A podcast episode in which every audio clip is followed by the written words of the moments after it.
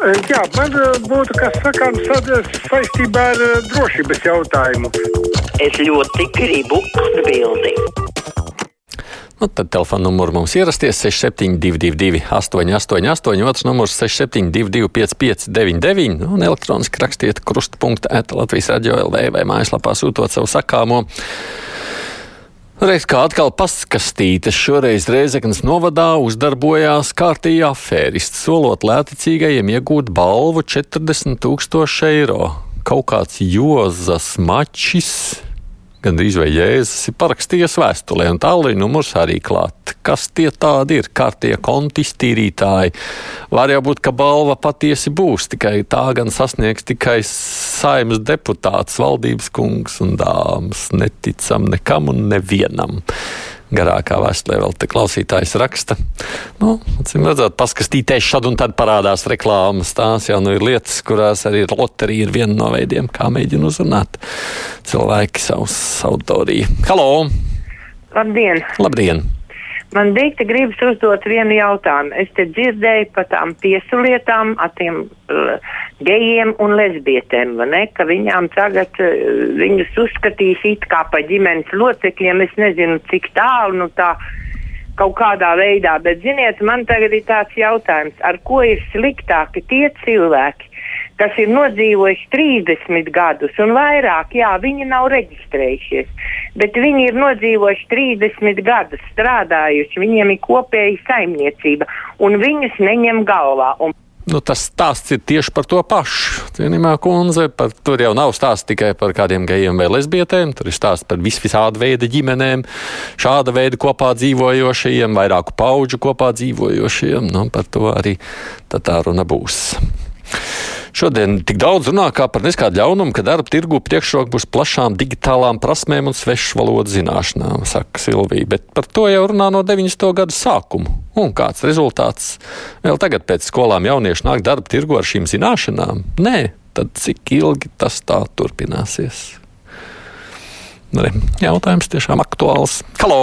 Labdien! Nu, redz, Labdien. Kad mūsu saimas deputāti definēja laulības jēdzienu, viņi tīšu prāt laikam aizmirsa ierakstīt, kas ir ģimene. Un tagad mūsu sorosistiskās atversmes tiesa to tā pagrieza. Nebrīnos, ka drīz viņi arī interpretēs, ka varbūt cilvēks un sunītis un kaķītis arī ir ģimene. Es domāju, ir pienācis laiks šos atversmes tiesu atlaist, tā kā tas notika Ukrainā, kur prezidents izdeva pavēli par satversmes tiesas atlaišanu. Bet jums nav pašam ģimenes, saprot, jā? Aivar, jums pašam ģimenes nav. Nu, Ko jūs saprotat ar iedzienu ģimeni? Es nedzīvoju viens, ja jūs tā gribat zināt. Nu, re, to es arī gribēju pajautāt jums. Ja jūs dzīvojat kopā ar kādu vecākiem, vai tad jums ir ģimene vai nav? vai tikai laulība dar jūsu ģimenes kontekstā? Nu, to jau es arī gribēju jums pajautāt. Vai ir zināms, kurā ielā nobruka Rīgā māja? Ugunsdzēsēji teica, ka šāds notikums esot noticis un notiek evakuācija. Prasa Vilnis, es neesmu dzirdējis nekādu tādu ziņu, vai kaut kas ir šobrīd zināms, ko es nezinu. Halo! Labdien! Labdien! Ziniet, man tādas pārdomas. Jā, Pūces savārīja putru ar novadu pārkārtošanu, tā piedega.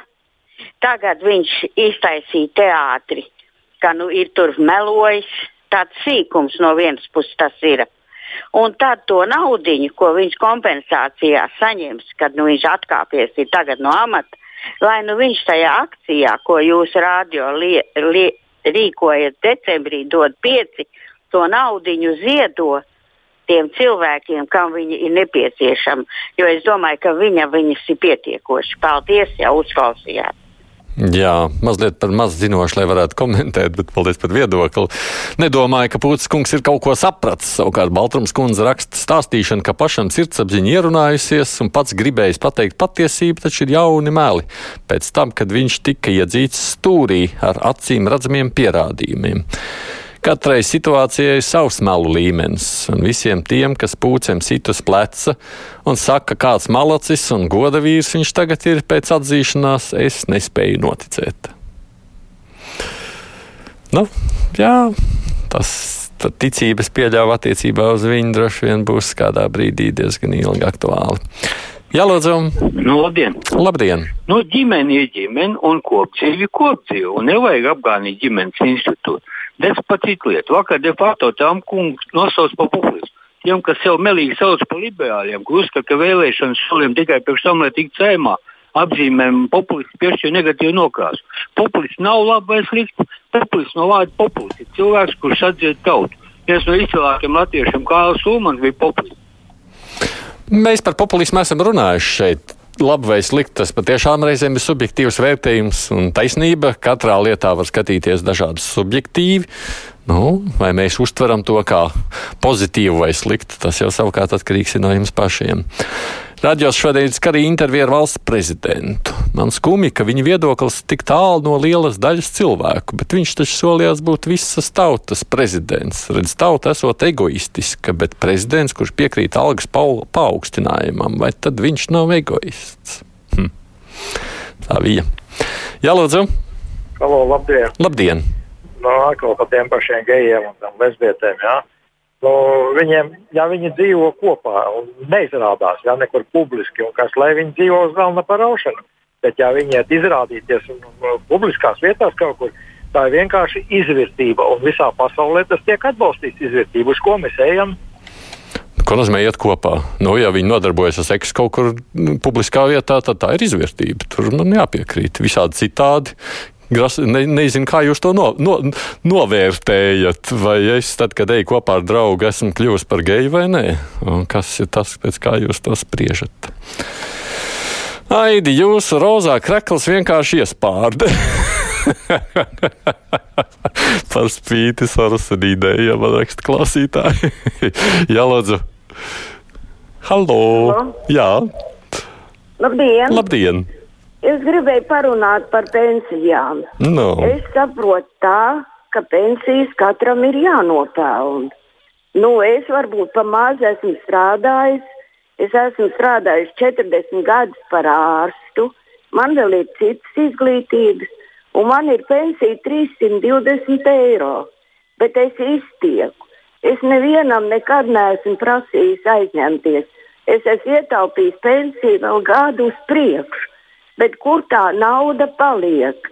Ja visi prasa pabalstu, es nezinu, man, es piemēram lietoju valsts elektrību, tikai ūdens man pašai sausi ir. Uh, malka tāpat ir jāpērk, es kurinu, kurinu krāsnes. Tad es nezinu, kā tie cilvēki grib dzīvot. Man mašīna arī bija, man viss kāds bija. Bet... Oi. Nu, paldies par, jā. Hm. Paldies par pieticīgo zvanu tagad man jāsaka tajā visā. Pirms 11. īsti saņēma dienas izsaukumu uz Limbažu ielu, kur divu stāvu dzīvojamai mājai nobrukusi siena, tā ziņo portāls Diena. Raksta mums Ainārs Redskā. Nu, tad paldies, Ainār, par paskaidrojumu. Halo! Labdien! Labdien! Mums Latvija tagad tāda briesmīgi ticīga visi palikuši, nu tāda, kas nav bijuši. Bet kā te Jēzus teica, lai pirmais met akmeni tas, kurš ir bez grēka. Es neesmu nekāds tur pūcis fans, bet nu visi tagad tā kliedz. Es domāju, kā paši ir zaguši savā laikā un blēdījušies, bet tagad ir tik svēti, nu lai pārdomā par sevi. Un satversmes tiesa mums ir burvīga, beidzot ar mugurkaulu. Nevajag viņus atlaist kādas stulbības. kā mēs labi, paldies par godīgo zvanu. Par pūces demisiju savukārt Imants domā, ka ja saima parlaments taču augstāks par valdību, ja pēc atzīšanās melos viņš aiziet uz paaugstinājumu parlamentu, kas tur notiek. Droši vien, ka arī tā uz to lietu var skatīties, kā nu kurš. Vienkārši un efektīvs papildus drošības līdzeklis no vīrusiem man ir raksts sabiedriskā transportā visu laiku jātur viena puse logu atvērtā veidā, lai būtu gaisa ventilācija un lai neviens pretī nerunā, ka kādam augsti. Sabiedriskā transportā viss tikpat apģērbti kā uz ielas. Tas taču būtu ļoti labs papildus līdzeklis drošībai un vilcienos, lai nevārtās tie veituri vagonos, nobloķēt. Arī būs vairāk tīra gaisa un mazāk grābstīsies visi ap tām durvīm. Hmm. Un ir meklē veidu, kā varētu tikt galā ar šo vīrusu šādā veidā. Halo! Halo! Jā! Labdien! Labdien! Uh, nu, man priekšlikums Mičerevskim Mārim ordeni vismaz piešķirt par to, ko viņš tajā skudru pūznī ir izdarījis, un uz, lai viņš turās. Mhm. Žēl, ka ministra brigadieris Kariņš nevienu vārdu nav teicis par saviem padotiem, un, un plešu un uh, pūci nevajadzētu kādu gadu laist pie teikšana. Mm, tā jums ir paticis tas, kas tur ir sanācis rezultātā. Jā. Ozals kundze savukārt par Kristava balvu raksta gribētu zināt, cik tad procentuāli ir nobalsots par katru filmu. Balsojuma vietnē to nevar redzēt. Es esmu pārliecināta, ka pilsēta pie upes būtu rādīta pa televīziju kā dvēseli putenis, tad balsojuma iznākums, jeb skatītāja simpātija būtu pilnīgi citāda. Nu, varbūt arī tā varētu būt. Halo! Halo! Labdien! Labdien. Vēl par šo te, jauno ģimeņu veidošanu, kur ir vienzimumu teiksim, ģimene. Kā tad jūs, Tomson, kungs, domājat, kad eh, kā tad sievietes divas dzīvo ģimenē, kā tad viņas pie bērniem tiks? Kur tad tāda loģika? Kā, kas tā, tā par ģimeni? Tā ir tāda izvērtība. Oi, ļaujiet man šo tēmu neturpināt, tīpaši, ja es sākšu apsvērt, tā, ko laikam nevajadzētu man publiski šeit nebūs darīt. Um, nesaprotu, kā tagad valsts iestādes var izmaksāt personas partnerei pabalstu. Paternitātes pabalstu, ja nav iespējams konstatēt, ka viņa partneri nav taču tāda reģistra. Raksta Zariņkungs. Nu, jā, tas savukārt arī ir par tā tēmu. Man droši vien laikam šeit, lai nebūtu lieku emociju, jāpaskaidro uzreiz rīt kruspunktā pievērsīsies šim tematam, runājot ne tikai, protams, par šīm vienzimumu pārģimenēm, bet vispār par ģimenēm, nu, kā tas šobrīd ir satversmes tiesas spriedumā konstatējams, ko no šī nāksies tagad secināt un kādi tālākie lēmumi būs jāpieņem gan parlamentam, vispār kādai valstī. Būs atbildība, man kolēģi Māra vadīs rīt šo diskusiju, tā kā es domāju, tematam kā tādam mēs varam pievērsties tēmas. Protams, mums ļoti daudz klausītāji raksta joprojām par šo pašu daudz. Droši vien rīt varēsiet izteikties. Ceru, ka mūsu politiķi būs gudri un mūsdienīgi un beidzot arī definēs, kas ir ģimene. Tā arī Andrejs izsakās par šo. No ziņas priekšā tad mums būs saruna ar saimas deputāti šeit studijā.